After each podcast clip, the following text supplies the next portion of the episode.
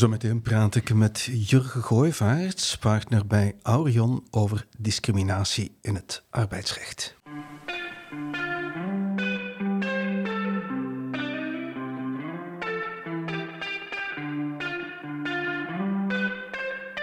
Ja, Jurgen, net vorige week haalde een zaak de krant over een vrouw met afgebroken tanden die na haar ontslag van de rechter schadevergoeding kreeg. Waarover ging dat juist? Wel, het is de eerste zaak, bij mijn weten althans, de eerste zaak in België waar discriminatie is vastgesteld op basis van het criterium fysieke eigenschap. Ja, en wat was er precies aan de hand? Kijk, de mevrouw uh, was geboren met een wellicht genetische afwijking. Haar moeder had ook uh, gelijkaardige problemen, namelijk een gebied dat snel afbrokkelde. Zij was daarvoor in behandeling, of althans dat was haar plan, maar met corona werd dat keer op keer uitgesteld. En daardoor ja, had zij een gehavend gebied. Ja, maar ze was wel eerst aangenomen voor die baan en dan is het fout gelopen. Waar is het fout gelopen? Wel, ja, het is een typisch coronaverhaal. Dus uh, de behandeling was uitgesteld en intussen ging zij solliciteren, maar door corona kon zij of droeg zij stelselmatig een mondmasker tijdens de sollicitatiegesprekken. Dus de mensen die haar hebben aangeworven hadden niet gezien dat zij een gehavend gebied had. Ze hebben haar aangeworven. Ze is op de eerste dag met veel enthousiasme gaan werken en tijdens de voormiddag kreeg zij een opleiding van de zaakvoerder. Het ging over een verzekeringskantoor. Ze krijgt een opleiding en uh, halverwege de opleiding biedt uh, de zaakvoerder haar een kop koffie aan. Dus zij neemt haar mondmasker af. En op dat ogenblik stelt de zaakvoerder dus het gehavend gebied vast. Zij legt uit wat er aan de hand is. Zij gaat over de middag naar huis om iets te eten. Zij komt terug en onmiddellijk uh, roepen de zaakvoerders uh, haar bij hen en deden ze meekijken met dat gebied. Uh, dat is echt commercieel, niet wenselijk. dat de klanten nu zo zien. een goed voorkomen is belangrijk in onze sector en we gaan hier stoppen. Hebben die zaakvoerders dat ontslag zo gemotiveerd, ook op papier?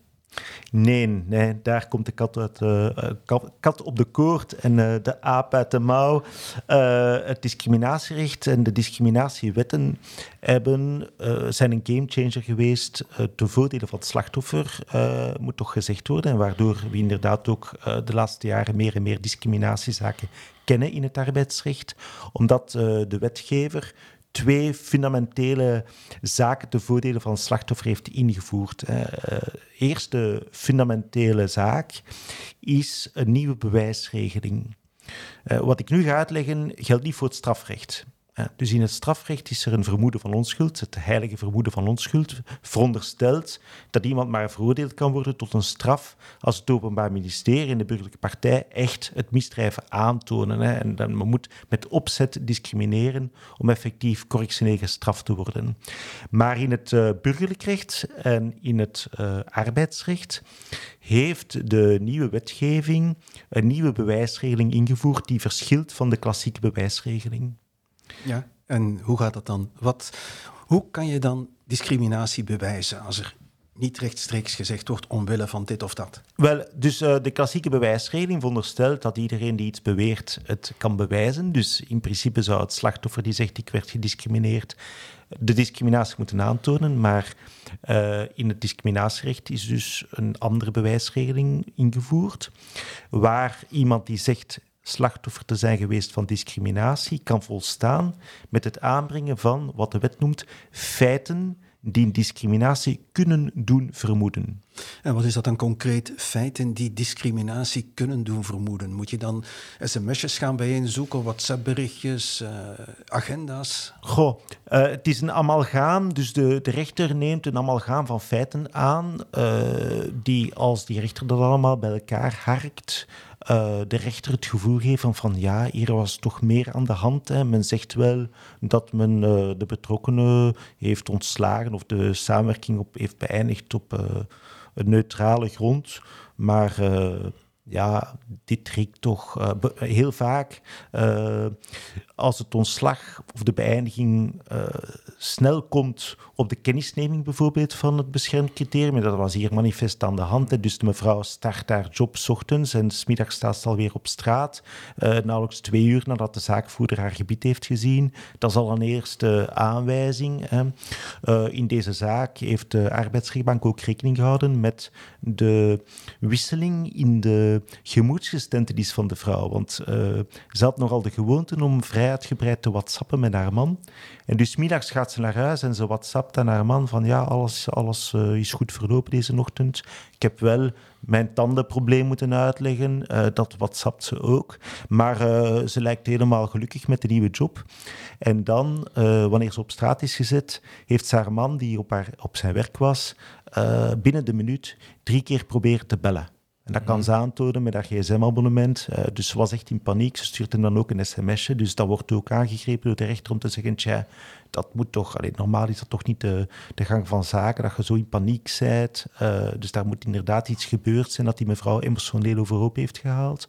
En dan... Uh, ja, de mevrouw was naar Unia gestapt, die een protocol heeft van samenwerking met de sociale inspectie. En de sociale inspectie had ook een onderzoek gedaan. Hij was gestoten bij een inzage in de e-mails, was gestoten op een e-mail die die zaakvoerder die namiddag had gestuurd naar het Sociaal Secretariaat. En de zaakvoerder had gezegd, kijk, we hebben mevrouw al meteen, of de samenwerking al meteen beëindigd met mevrouw, want ze was iets, tussen aanhalingstekens, iets vergeten te zeggen tijdens de sollicitatie. En ja, dat iets was dan wellicht dus, uh, haar gehavend gebied. En dus de rechter uh, heeft die zaken bij elkaar geveegd. Uh, heeft gezegd, kijk, dit geeft mij toch het gevoel dat effectief de echte reden van beëindiging dus het gebied was van mevrouw. En dan is het aan de werkgever die krijgt dan wel de kans nog om eventueel tegen te bewijzen. En de werkgever zei, ja, mevrouw gaf een ongeïnteresseerde indruk. We waren een beetje geschrokken voor iemand die pas begint. Was ze toch niet bijster enthousiast en zo, maar dat bleef wat steken in algemeenheden. Werd niet echt gestaafd door een concreet voorbeeld en is dan als tegenbewijs niet weerhouden door de rechter.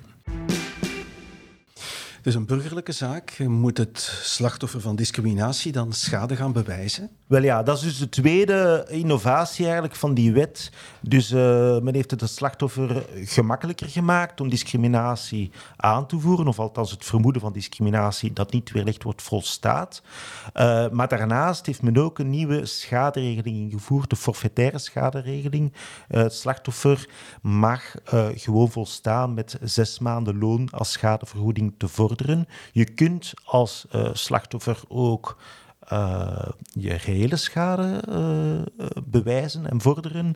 Maar ik zie in de rechtspraak dat eigenlijk geen enkel slachtoffer dat doet. Dat is ook quasi onmogelijk. Ja, hoe kan je iemand overtuigen van de omvang van je morele schade die je hebt geleden omdat je gediscrimineerd werd? Dus alle slachtoffers gaan eigenlijk voor zes maanden schadevergoeding, wat toch wel vrij substantieel is. Het is een half jaar loon, bruto, dat men krijgt als de rechter inderdaad die discriminatie weerhoudt.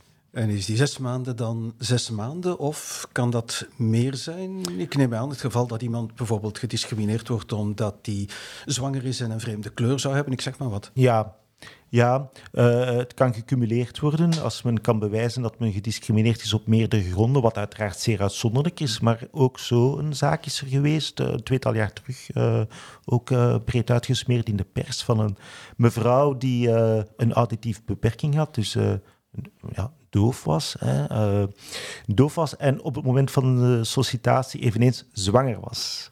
Uh, en ze heeft kunnen aantonen van, kijk, als ik uh, de auditieve beperking niet zou hebben gehad, dan zou ik nog altijd niet aangeworven zijn geweest door die bewuste firma omwille van mijn zwangerschap, zoals bleek uit een aantal ongelukkige communicaties vanuit het bedrijf. En dezelfde tijd, als ik niet zwanger was geweest, dan had men mij waarschijnlijk niet aangeworven omwille van mijn auditieve beperking, hetgeen zij ook kan aantonen op basis van een aantal ongelukkige uitspraken. Dus uiteindelijk kon zij aantonen dat het aanwervingsbeleid van het bewuste bedrijf op twee punten discriminerend was. Zowel op basis van handicap dan, uh, doofheid of auditieve beperking is een handicap en is beschermd als discriminatiecriterium. En anderzijds dus haar zwangerschap, de genderwet. En die mevrouw heeft de rechter inderdaad ervan overtuigd om uh, twee keer de schadevergoeding te krijgen. Ik moet zeggen, in uitzonderlijke gevallen kan de schadevergoeding ook herleid worden de forfaitaire schadevergoeding van zes maanden naar drie maanden herleid, uh, wanneer de werkgever kan aantonen dat de beslissing sowieso ook anders, sowieso op niet discriminerende gronden zou zijn genomen. Zo staat het in de wet. Ik ken nog geen enkel geval waar uh, dat effectief weerhouden is door uh, de Belgische rechters. je moet een beetje de oorsprong van die regel kennen. Dat komt uit de Europese rechtspraak. Was een zaak van een Duits bedrijf dat een heel ongelukkige advertentie had geplaatst, vragend naar een administratieve kracht. En zich had uitgedrukt in uh, vrouwelijke termen. Ik neem aan dat in de Duitse grammatica je dat heel duidelijk kan zien. En men zocht dus een vrouw en uh, een aantal mannen die potentieel ook in aanmerking hadden gekomen voor die job, die achten zich gediscrimineerd. Uh, en daar heeft de Europese Hof van Justitie gezegd, ja oké, goed, schadevergoeding van zes maanden. Als je dat moet toekennen aan al die mannen die hadden kunnen uh. Er was sowieso maar één vacature. Dus sowieso zouden ze ook niet aangeworven zijn, omdat ze met te veel zijn voor één vacature. Hè? Ja. Dus er is een wiskundig objectief aantoonbare grond dat ze ook op een andere grond, die niet discriminerend is, niet zouden zijn aangeworven. En die mannen hebben dan allemaal drie maanden gekregen. We hebben het hier gehad over ontslag, we hebben het hier gehad over sollicitaties. Zijn het dezelfde criteria die altijd van kracht blijven? Ja, dus de, de wet uh, moet wel benadrukt worden. Uh, de meeste zaken gaan over ofwel een beëindiging die gebeurd is om, omwille van een beschermd criterium, ofwel uh, dus niet aanwerving. Maar discriminatie kan plaatsvinden in alle stadia van de arbeidsrelatie. Dus de discriminatiewetten spelen ook bij beslissingen over promotie, bij beslissingen over de arbeidsvoorwaarden, gelijke beloning, toepassingsgebied van de groepsverzekering bijvoorbeeld, is een klassieker. Dus in alle beslissingen die een werkgever neemt, moet hij uiteindelijk rekening houden met uh, de discriminatiewetten. Nu, de discriminatiewetten voorzien een gesloten lijst van criteria. Hè. Dus uh, van het ogenblik dat je weet dat een welbepaald personeelslid één van die criteria heeft, moet je als werkgever een beetje op je hoede zijn. Uh, omwille van uh, die regeling rond het bewijs, zelfs als je perfect zuiver op de graad bent en effectief een neutrale reden hebt voor een wel bepaalde ongunstige beslissing die die persoon benadeelt, ja, moet je weten dat als die persoon toch met een aantal feiten de indruk kan doen ontstaan dat het criterium een rol heeft gespeeld, ja, ga je dat moeten weerleggen. Wordt het niet heel moeilijk voor sommige werkgevers? Want in strafrecht is het duidelijk, daar moet er een opzet zijn. Hier moet er geen opzet zijn als de werkgever zonder kwade bedoelingen uiteindelijk toch gediscrimineerd heeft.